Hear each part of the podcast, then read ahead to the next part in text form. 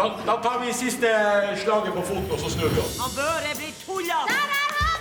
Det er vi skal ha! Der bodde to små fyrer som heter Karius og Baktus. Adjø, Hamlet. Se på meg. Er ikke er fin?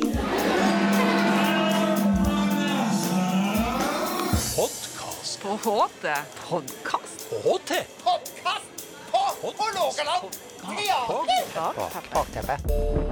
Bakteppe. Kjære publikum, hjertelig velkommen tilbake til podkasten til Hålogaland Teater, Bakteppet. I dag har vi med oss eh, Per Kristian Olsen, journalist og forfatter. Han har skrevet boka 'Jevnet med jorden', en beretning om tvangsevakueringa og oppgjør, eller skal vi si mangel på oppgjør, etter krigen. Vi har også med oss eh, Egil Palsson, teatersjef og nok en gang regissør. Han skal regissere ei eh, forestilling som heter 'Ødeland'. Den er basert på en helt ny dramatikk, skrevet av Lukas Svensson, om tvangsevakueringa. Vi begynner med Per Kristian Olsen. Denne tvangsevakueringa har jo i flere tiår blitt beskrevet som evakuering, med russerne i hælene. Det er en oppfatning som eh, du har snudd helt opp ned på med boka di. Ja. Og det skyldes at eh, jeg kom til å innse at eh, jeg har faktisk vokst opp med en løgn. Selv om jeg kommer fra Finnmark. Altså, Finnmarkingene sier, uh, sier sjøl at uh, uh, tyskerne tvangsevakuerte fylket og Nord-Troms for å hindre russerne i å følge etter. Jeg har jo historie som fag fra universitetet her, her i Tromsø, og trodde at jeg visste det som var å vite om uh, tvangsevakueringa. Men når jeg da innså at det tok tyskerne tre måneder å brenne Hammerfest Altså, Befolkninga i Hammerfest altså Evakueringsordren kom den 28. oktober. Eh, ei uke etterpå var hele befolkninga i Hammerfest skyssa ut av eh, byen.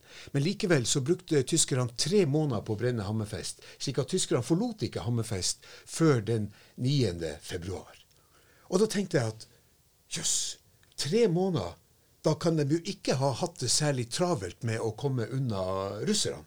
Og da begynte jeg å nøste i den ballen her. Og det er ikke bare min fortjeneste. Det var, dette, er, eh, dette, er, synspunkter som har kommet fram faktisk allerede på 70-tallet. Det var en hovedoppgave ved, fra Universitetet i Oslo i, fra 1973 som satt, var med å sette meg på, på dette, dette, sporet her. Det var William Fosnes eh, fra Nordreisa som skrev den hovedoppgaven. Og han kom på spor av en del uh, tyske militære dokumenter. Hovedoppgaven slo fast at uh, de tyske militære var imot. Kildetilfanget hans var ikke veldig stort, sånn at jeg har nøsta videre på den uh, ballen der. Og faktisk uh, sånn at jeg kan faktisk slå fast i boka 'Jevna med, med jorden' at de tyske militære var imot å brenne. Fordi at de visste at russerne ikke kom til å følge etter. Når de tyske militære da var imot brenninga, hva var det som fikk tyskerne til å sette i gang det her? Ja, altså Ansvarlig for brenninga av Finnmark og Nord-Troms er Josef Terboven, leder for det sivile eh, tyske styret i Norge, sammen med eh, Vidkun Quisling, som da var stats, statsminister i, i, i naziregjeringa i, i, i Norge. De utvikla altså en, syk, en syk forestilling om at dersom de tyske troppene fikk lov til å trekke seg ut av Finnmark og Nord-Troms og la fylket stå uh, uberørt igjen, så ville det oppstå et maktvakuum som London-regjeringa ville ile til å fylle. Det er, det er temmelig, temmelig søkt, men slik tenkte de. Altså, vi må gjøre alt vi kan for ikke å få en konkurrerende regjering på norsk jord. Så nå i ettertid er det nesten vanskelig å forstå, fordi at uh, vi er jo helt imot slutten av uh, krigen. Det er bare et, et drøyt halvår igjen før det hele er over. Og det visste alle sammen. Det var ikke et spørsmål om hvem som ville vinne krigen i, i oktober-november 1945. Det var et spørsmål om når ville Tyskland tape. Sånn at brenninga fremstår jo som totalt eh, meningsløst hvis du skal prøve å forklare det med, med fornuftige argumenter.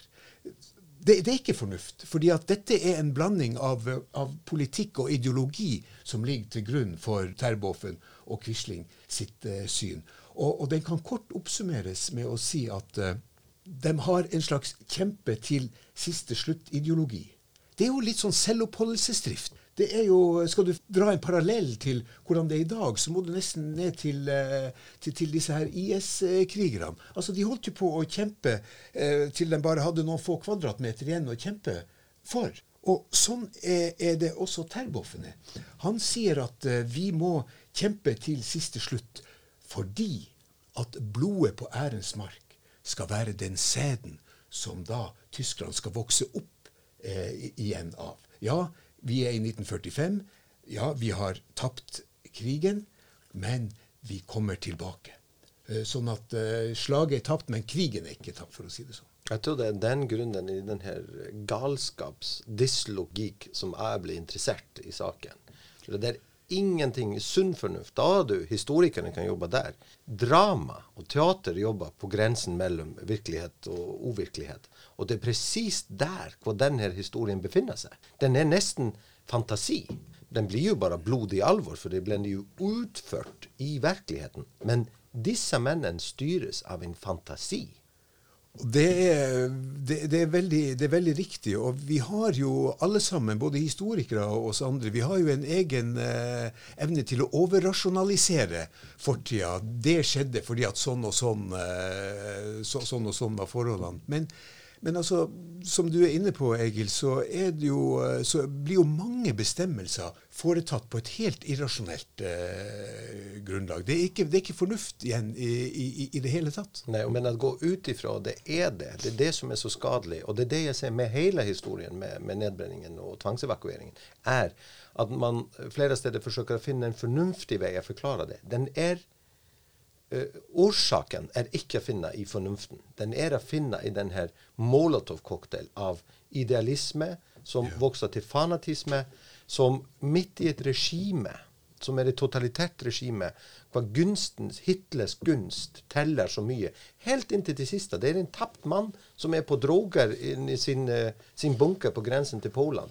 Det, det er ingen fyrer lenger. Stortiden er forbi. Men even om til sist så kjemper Quisling for å bli hva skal vi si, Han vil være den som arver det norske riket etter krigen er vunnet. Det tror han på stadig vekk.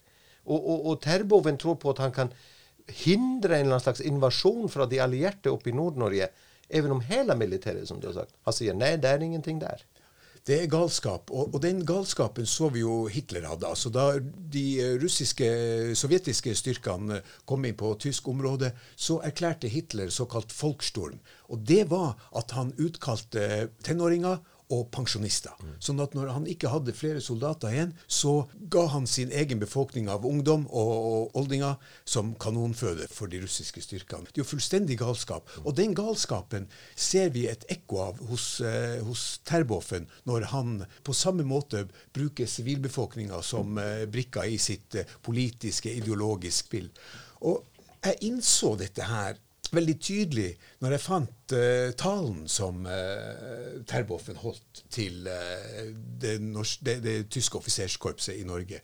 Og der sier han rett ut at nå må alle kjempe martyrdøden. Skal, kan ikke jeg sitere litt fra, fra, fra, fra- fra det? Og da sier, si, sier Terboven til de tyske offiserene i Norge at den enkelte lever er ikke viktig. Viktig er ene og alene at vårt Tyskland lever. Våre forfedres Tyskland. Våre barns Tyskland. Vårt evige Tyskland. Vi tror med urokkelig fanatisme på det tyske folk og dets framtid. Vi tror med samme kraft på føreren og hans nasjonalsosialistiske budskap. Og derigjennom tror vi på tysk seier og vil kjempe for den til siste åndedrag. Der hadde det. Der har du gal manns, Ja. gal Og så går, du, så går du med en håndgranat ned i din bunker og sprenger deg i lufta.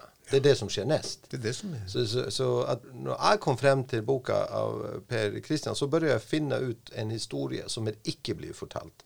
Det er en ting man leter etter i teatret. Men så går vi også inn på disse områdene der. Hva er det av menneskene irrasjonalitet tar styre? Og det er der du får drama. Når vi dramatiserer, så er vi ute ut sånn, det er dokumentarisk dramatikk vi gjør. Så vi iscenesetter ting og bruker teatrets middel og veier til å heve frem en historiefortelling som jeg tror holder på å bli glemt. Og den er litt farlig når vår fortid er dette med fake news og hvor vi er nå, hvor viktig det er å skille fra sant og riktig.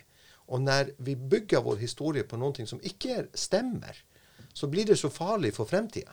Det er veldig farlig. Og jeg kom jo da til å innse at uh, historier som har vært fortalt om tvangsevakueringa, den har foregått på Hitlers premisser. Det er altså overgriperens versjon som har fått lov til å bli den historia vi forteller. Den historia jeg vokste opp med i Hammerfest. Det er så sorgelig. Ja, det er så sorgelig at det er han som har diktert hvordan du har forstått din historie. Ja, det, det, er til, å, det, det er til å, å, å, gråte over. Men vi skal ikke gråte over det. Vi skal kjempe for å få fortalt den riktige historien. At den kommer inn i, i historiebøkene. For uh, historikere på nasjonalt nivå har uh, drevet og, og, bagatellisert dette her. Kanskje ikke med vilje, men det er bare fordi at uh, det har ikke vært forska på tvangsevakueringa.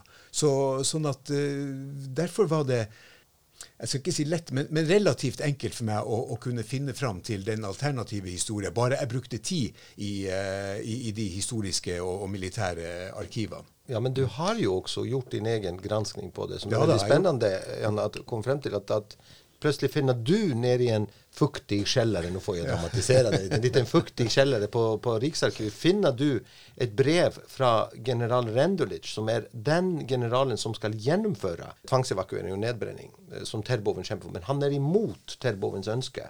Men da finner du et viktig brev som ikke kommer frem aldri kommet frem. Det har aldri vært uh, framme tidligere. Og, og, jeg har jo funnet flere beviser på at, uh, på at det tyske militæret var imot uh, brenning. Så det var en ren politisk, uh, ideologisk operasjon for, for Terboven og Quisling sin selvoppholdelsesdrift. Det er så, Når man sitter og jobber med materialet og liksom tar imot Her er et brev. Her er bilde på et brev som jeg har funnet i Riksarkivet i en fuktig kjeller. Ja. Så, så liksom, så får du liksom som en strøm fra fortiden zakk inni deg. Og når vi satt til leseprøve og sitter med de, de her unge menneskene som er fra Finnmark og Nord-Troms eh, Når de leser det her og plutselig kommer frem til at alt hva det blir fortalt til dem, er løgn, er ikke sant?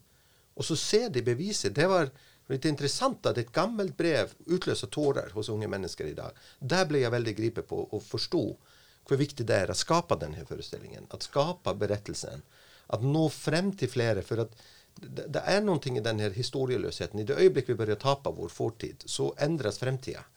Og det er, eh, det er altså eh, Jeg skal ikke bli moralsk, eh, men man må si at det er, det er likevel er det skammelig, den måten historien om tvangsevakueringa har blitt fortalt på.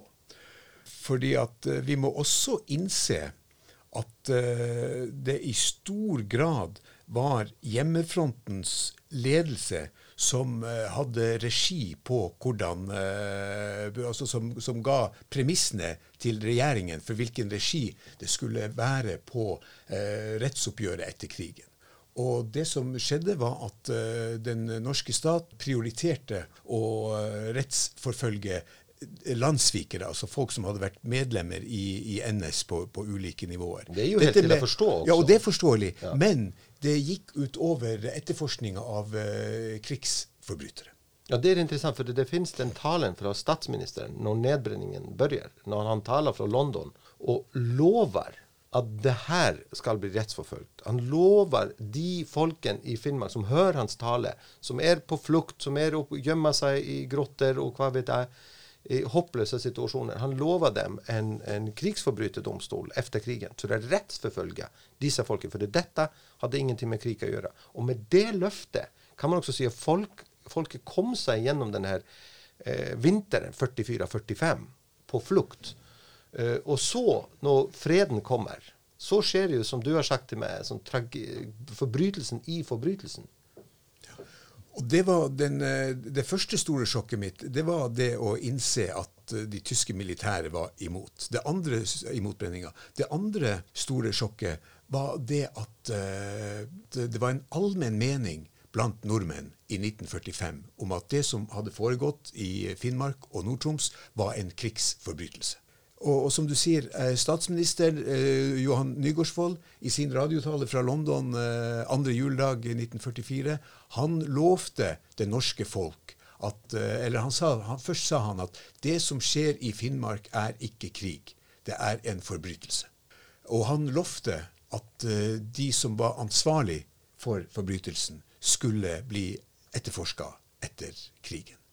Men altså, det var ikke politisk dekning i regjeringen Gerhardsen eh, i 1945 for det løftet som eh, Nygaardsvold sendte fra, fra, London. Og det er noe vi bør eh, ta til eh, ettertanke og forske videre på. Hva var det egentlig som, eh, det egentlig som eh, skjedde? For det som er interessant der, det er jo også at det var jo ikke nordmenn som pressa på for å faktisk få dømt Rendulek eh, i Nürnberg. Det var det amerikanerne som pressa på. Ja, det er helt, det er helt uh, riktig det. For, altså, eller amerikanerne som fikk det til. Det, det som skjedde, som, som også altså en av, en, en av, mine store helter i boka er Jakob Bjertnæs advokat uh, som virka i, i, Vardø etter krigen. Under krigen var han i, i politiet, og etter krigen var han, uh, delvis, var han, etterforskningsleder for Finnmarkspolitiet og ble til slutt politimester før han uh, gikk av. Men altså, Bjertnæs slo allerede fast i, i Bare akkurat når, når, krigen slutta, så slår Bjertnæs fast, oss, i, i, likhet med Nygaardsvold, at det, det som har skjedd i Finnmark, er en forbrytelse. Han var øyenvitne til dette her, Jakob Bjertnæs. Sånn at uh, Han skriver da et brev til Riksadvokaten og ber Riksadvokaten om å etterforske Quisling-ministrene som, uh, som, som, krigsforbrytere. Han får nei. Riksadvokaten løfter ikke en finger. Slik at uh, For å gjøre en lang historie kort, så kommer da til, til slutt så blir da til slutt Rendulik, som var hærsjefen som leda tilbaketrekninga fra, tyske tilbaketrekninga fra Finnmark, han står da tiltalt i, i, i Nürnberg. Og eh, et av tiltalepunktene er da eh, etter press fra amerikanerne og, og, og, stortingspolitikere i Norge, så blir et av tiltalepunktene brenninga av Finnmark. Men altså, Rendulik blir frikjent for brenninga. Og da slår den prestisjetunge Nürnberg-domstolen fast at uh, det var ikke en krigsforbrytelse, det som skjedde i, i, Finnmark.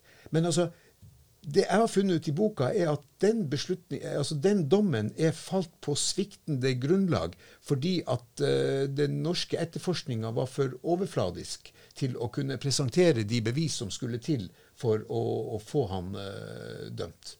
Det er veldig interessant, fordi at i utgangspunktet så skjedde det så mye i de ukene i uh, slutten av 1944 og første måneden av 1945 som skulle gjøre det veldig enkelt å fremskaffe ganske kraftige og gode bevis altså, ja, Rettsoppgjøret etter krigen er jo, er jo helt vanvittig. Altså, jeg, jeg, gikk jo gjennom, jeg måtte jo gå gjennom Quisling-saken. Altså, tyskerne kunne ikke ha gjennomført tvangsevakueringa uten at det, det, det, norske apparatet ble stilt til rådighet eh, gjennom regjeringa Quisling. Så han var medansvarlig, og det sto det svart på hvitt i, i, norske aviser. Eh, man, man, var jo opprørt altså når, fikk, når, når folk i Norge fikk se hva som egentlig hadde foregått i Finnmark norske folk kunne jo ikke tro sine egne øyne. Sånn at når VG og, og, og tidsukebladmagasinet Aktuell og sånt dro opp til Finnmark, så presenterte de jo bilder under overskriften 'Barbarenes herjinger'. Da fikk folk først vite hva som egentlig hadde skjedd. Og det utløste jo en solidaritetsaksjon over hele Norge. Kollekten gikk eh, i alle kirker i Norge gikk nordover. Og, og mange byer sørpå adopterte jo steder i, eh, i, i Finnmark. Sånn som Tønsberg adopterte Tufjord rett utafor Hammerfest. Og Tønsberg hadde en egen Tufjordkomité.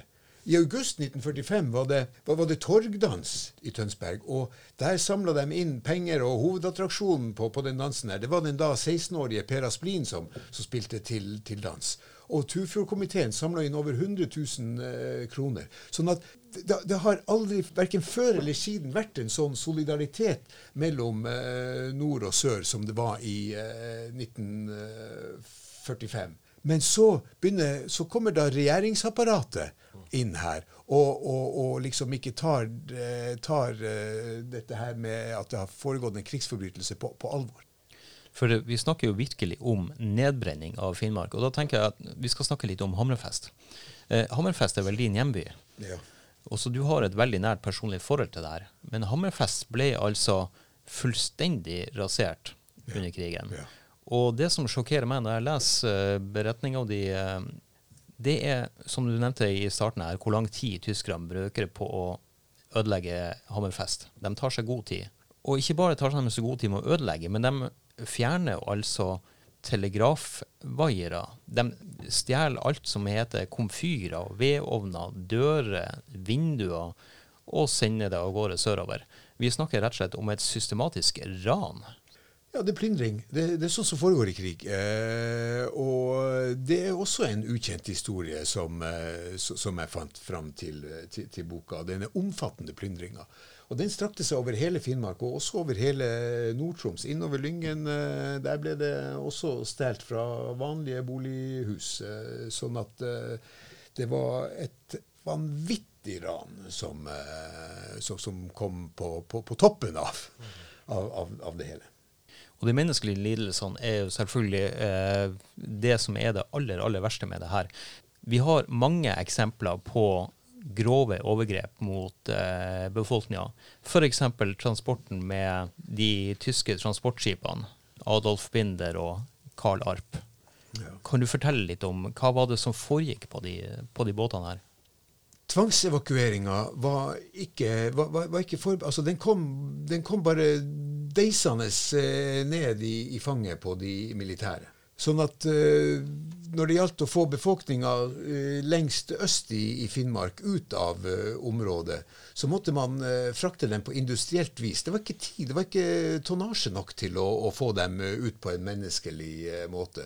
Sånn at tyskerne omdisponerte to store troppe... tropper sånne militære frakt, frakteskip som skulle frakte kanoner og den type ting vekk. Sånn at det omdisponerte dem, og, og på industrielt vis så, så pressa de 1800 mennesker ned i lasterommet på Karl Arp. Eh, ved, ved, Indre Billefjord og ved Hambukt ved Lakselv pressa de ned eh, 1300 mennesker på Adolf Binder. Og det var jo eh, det var, var helt grusomme forhold. Ikke toalett, ikke, ikke, ikke, mat.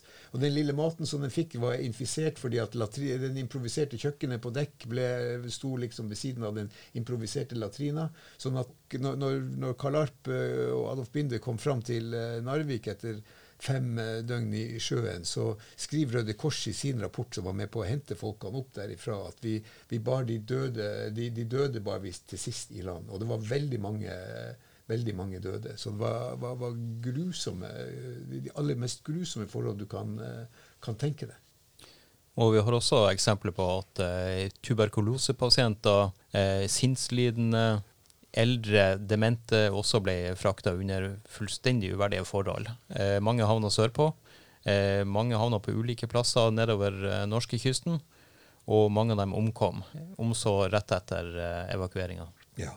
Og det er en, en, en, nok en tragedie i tragedien er at Norge var ikke interessert i å uh, finne fram til uh, Prøve å uh, dokumentere hva som, hadde, hva som hadde, skjedd. Altså, vi har faktisk I Norges offisielle statistikk sto det helt fram til 1995 at kun 33 mennesker omkom under, under tvangsevakueringa. Så det er altså en systematisk bagatellisering av, av de lidelsene som, eh, som, som, var. Har vi noe oversikt over hva som er sluttallene etter det her? Altså Nei, det får vi aldri noe oversikt uh, over. Uh, Arvid Petterson i, i Finnmark har prøvd å prøvd å, å, dokumentere. Han har kommet fram til en 350 eh, døde som følge av tvangsevakueringa.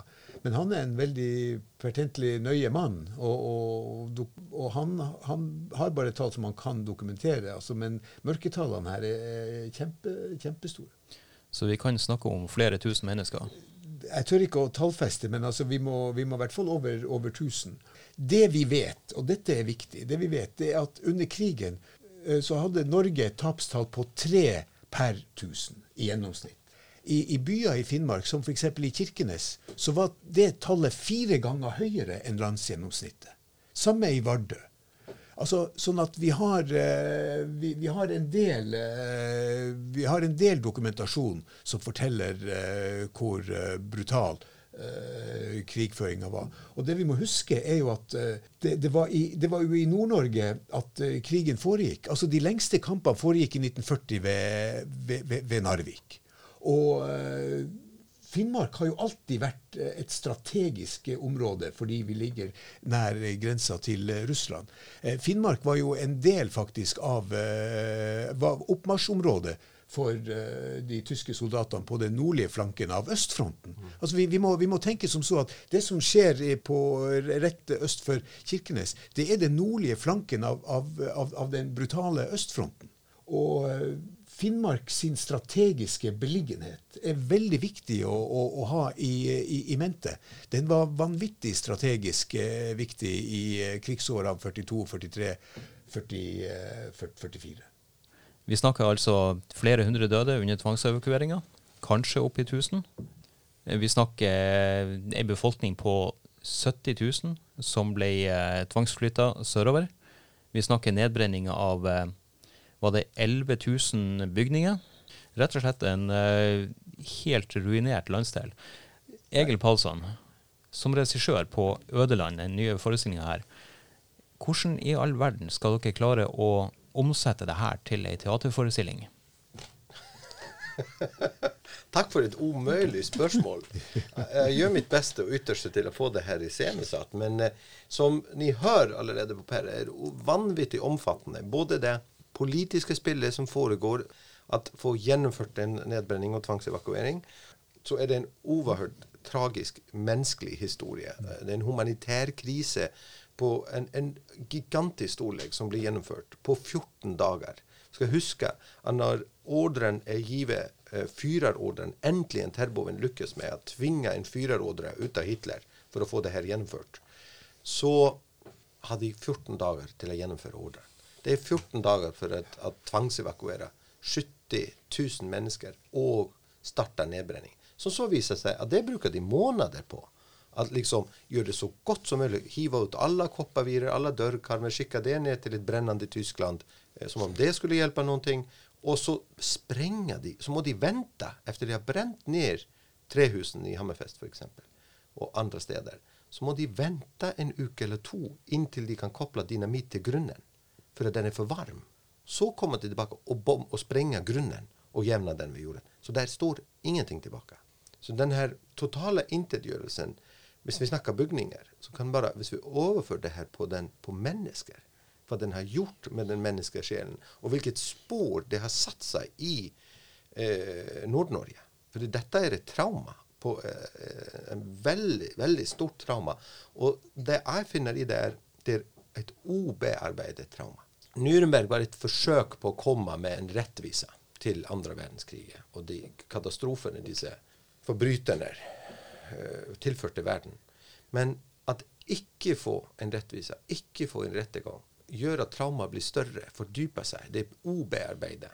Ikke det at rettvisene eller domssystemet er en eller annen psykologisk hjelp, men hvis Nord-Norge hadde fått det bekrefta ja, det var en krigsforbrytelse mot oss, så kanskje det hadde gått annerledes. Men jeg mener at her er et vendepunkt i Nord-Norges uh, historie. Og da begynner, jo på et vakkert vis også, men også på et annet vis, at sentraliseringen av Nord-Norge starter. Et annet efterkrigsårenes krigsspill begynner spilles ut, hvor jo Nord-Norge igjen er geopolitisk vanvittig viktig i det kalde kriget. Og da begynner den her eh, at man skal støtte Nord-Norge, og Nord-Norge behøver hjelp, og ba, ba, ba, og så begynner den historien å rulle på seg. Eh, og hvis du ser på det samfunnet som var oppe i Nord-Norge inntil denne nedbrenningen, så er det et selvforsynende samfunn oppe i nord. Som det godt kan, kan være her oppe hvis vi hadde total kontroll av egne ressurser her oppe. Altså også. Men der starter en historie som vi tar litt opp i, gjorde litt opp i Blååker. Det er ingenting det er ingenting som morsomt men prøve å gjøre det umulige på en teaterscene. Ellers er det ikke utfordrende. Så jeg må si som en iscenesettere så er det her materialet dramatisk guff. Og jeg vet det bygger på det, og, og, dokumentarisk materiale. Og, og det, det, gjør det enda dypere og enda viktigere for det fortalt. Så når du har den viktigheten i grunnen, og du har fire skuespillere og du har 43 roller, så må vi begynne bli oppfinnsomme. Og det er ikke nesten alle som vi Så det, vi må oppfinne en teaterlek med, som publikum kan forholde seg til, for å gå inn og ut av karakterer og inn og ut av berettelser, og liksom åpne opp denne Pandora-boksen. Og det er en Pandora-boks. Vi skjønner det når vi jobber med materialet. at det, det gjør noe med oss. og Det gjør noe i rommet hvor vi arbeider. Så det er den magien som vi håper at kan skje med folk når vi på vårt vis åpner den rettergangen vi aldri fikk. Det er det som forestillingen er. Og, og hvis du da på, i teatret kan gjøre noe med det, så hadde det vært veldig fint. fordi at det som er en, av, det, det som er en tragedie i, i tragedien, det er jo nettopp dette her at uh, prestisjen til eh, domstolen i Nürnberg, den nuller ut folket i Finnmark sin egen erfaring av hva de har vært gjennom. Altså, Går vi til aviser, til dokumenter eh, like etter krigen, så er det ingen tvil om at eh, det var en eh, allmenn oppfatning om at eh, det som hadde, at brenninga var, var en krigsforbrytelse. For, fordi at ifølge, ifølge den internasjonale Haag-konvensjonen så har ikke en hærfører lov til å brenne ned et sånt stort uh, område dersom det ikke foreligger en militær trussel mot hans uh, soldater. Sånn at den brente jords taktikk er kun lov eh, å sette i verk som et forsvarstiltak for å redde egne, egne soldater. Og russerne kom jo ikke. Og det visste tyskerne. Tyske etterretningsrapporter slår fast at tyskerne er fornøyd med å ha frarista eh, eller ha fått tilbake Petsamo. Eh, og de har stansa og har ingen ambisjoner om å gå videre vestover. Dette vet tyskerne. Og, og, likevel, eh, og, og likevel blir, eh, blir altså blir, blir Rendulik frikjent i, i Nürnberg. Og folk vet dette her. Folk klarer faktisk å se at uh, det, det ikke har noen militær hensikt, det som skjer i Finnmark. Og det er det springende punkt. Det hadde ingen militær hensikt. Jeg har dagboksnotater fra folk fra Sørøya som ser, ligger og ser ned på Breivikpotten og, og, og bare gjør seg tanker om hva, hva i verden slags militær betydning har dette her? Og sånne rapporter har vi fra mange steder i, eh, i, i Finnmark, der eh, folk ikke, ikke, ikke forstår den militære hensikt. Og så nuller da eh, Nürnbergdomstolen utfolket sin egen erfaring. Til tross for at det sto i alle landets eh, aviser at, en, eh, at krigsforbrytelse hadde skjedd, så blir dette her glemt fordi at prestisjen til domstolen i, i Nürnberg tar over. Sånn at når historien fortelles, så forholder historikere seg til det som står eh, i, i Nürnberg-domstolens dom, og så eh, blir folkets egen erfaring glemt. Så det at teatret nå eh, er med på å, løfte frem, eh, frem folkets eh, egen erfaring, folkets egen historie, det er jo fabelaktig. Takk for det. Vi, vi gjør oss en omage. og vi vil, Jeg syns bare det er, den her området Nord-Norge er så rikt av historier. Det er et veldig kokende område i verden. Både geopolitisk og sosialt og, og historisk. Og så er det også um, Jeg tror nå står min ø midt i jordskjelv hele tida. Hva, du- hva du har mennesker mot natur. Veldig, disse kontrastene står veldig sterkt i både disse regionene. Da snakker vi om Island. Ja, da snakker vi om Island her. At, at når du er drivet ut av ditt hus i Finnmark og Nord-Troms, så er du drivet ut i en arktisk eh, værsystem og en arktisk natur som er nådesløs. Så det må vi ikke glemme heller. At eh, denne naturen er også skapt av folk som bor ved en natur som alltid verden skriker på. Du skal ikke bo her, men du velger å bo her.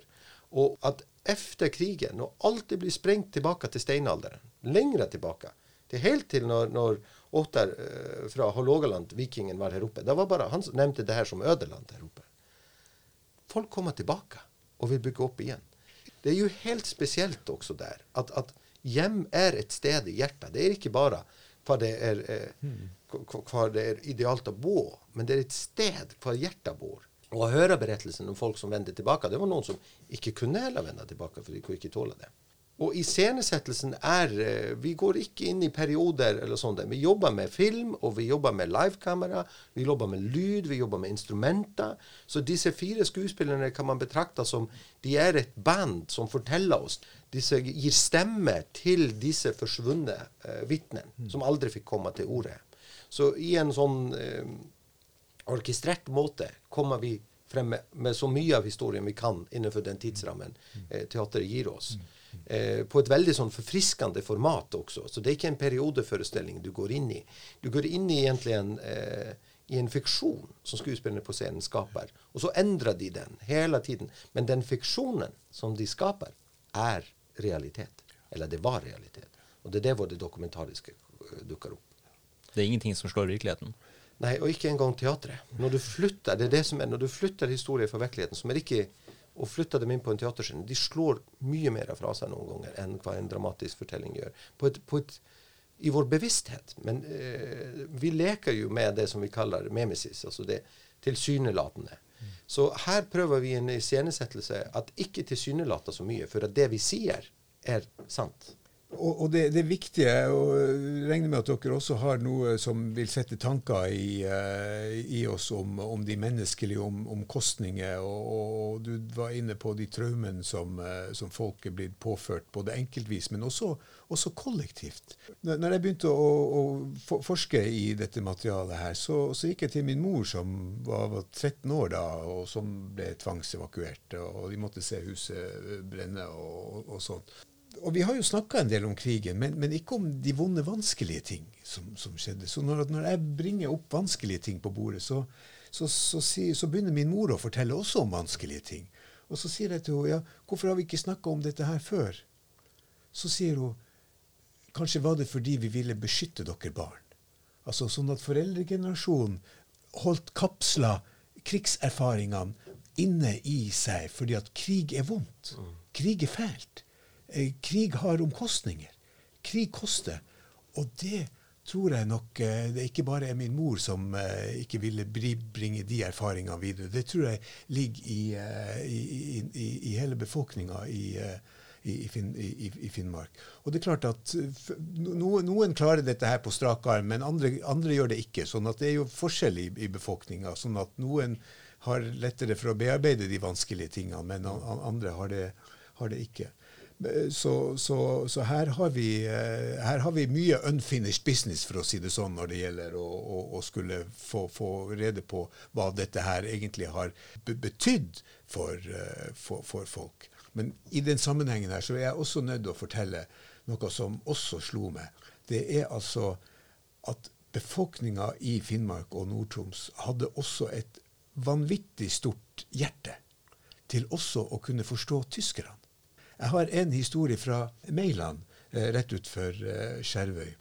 Der var det ei dame som het Nine Johansen, som nå bor i, i, i Tromsø.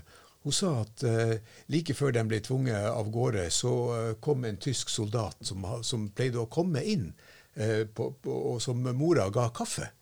Og han var bare en, var bare en ung gutt, sier hun. Han kunne ikke være mer enn 20-25 år. Og han kom ofte inn, og så satte han seg ned ved kjøkkenbordet og, og, og gråt. Og hun, Ninni forteller han gråt og gråt. Og så sier hun at den tyskeren han syntes jeg så synd i at når jeg la meg om kvelden, så måtte jeg be ekstra godt til Gud om han måtte ta vare på han.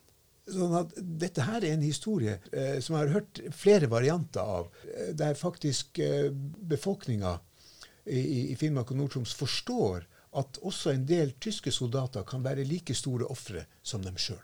Sånn at det at, at faktisk befolkninga midt i tragedien klarte å den, mobilisere den type menneskelighet, og ikke bli sånne hatmaskiner. ikke se, altså, du, du kan ikke se altså Begynner man å se ting eh, svart-hvitt, så blir man som Terboven. Da er det liksom eh, da er det Enten er du med meg eller mot meg, og, og sånt. Og da, da nulles alle andre menneskelige følelser ut. Men, men altså de som er mennesker i en pressa situasjon, de, de klarer å, å, å, å analysere hva det, er som, eh, hva det er som foregår. Så er det noe jeg har fått eh, etter å ha gått inn i historien her, så er det en vanvittig respekt for folk i nord.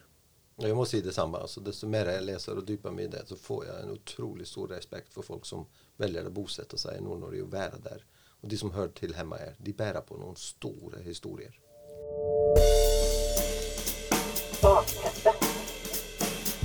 Bakteppe. Bakteppe. Bakteppe.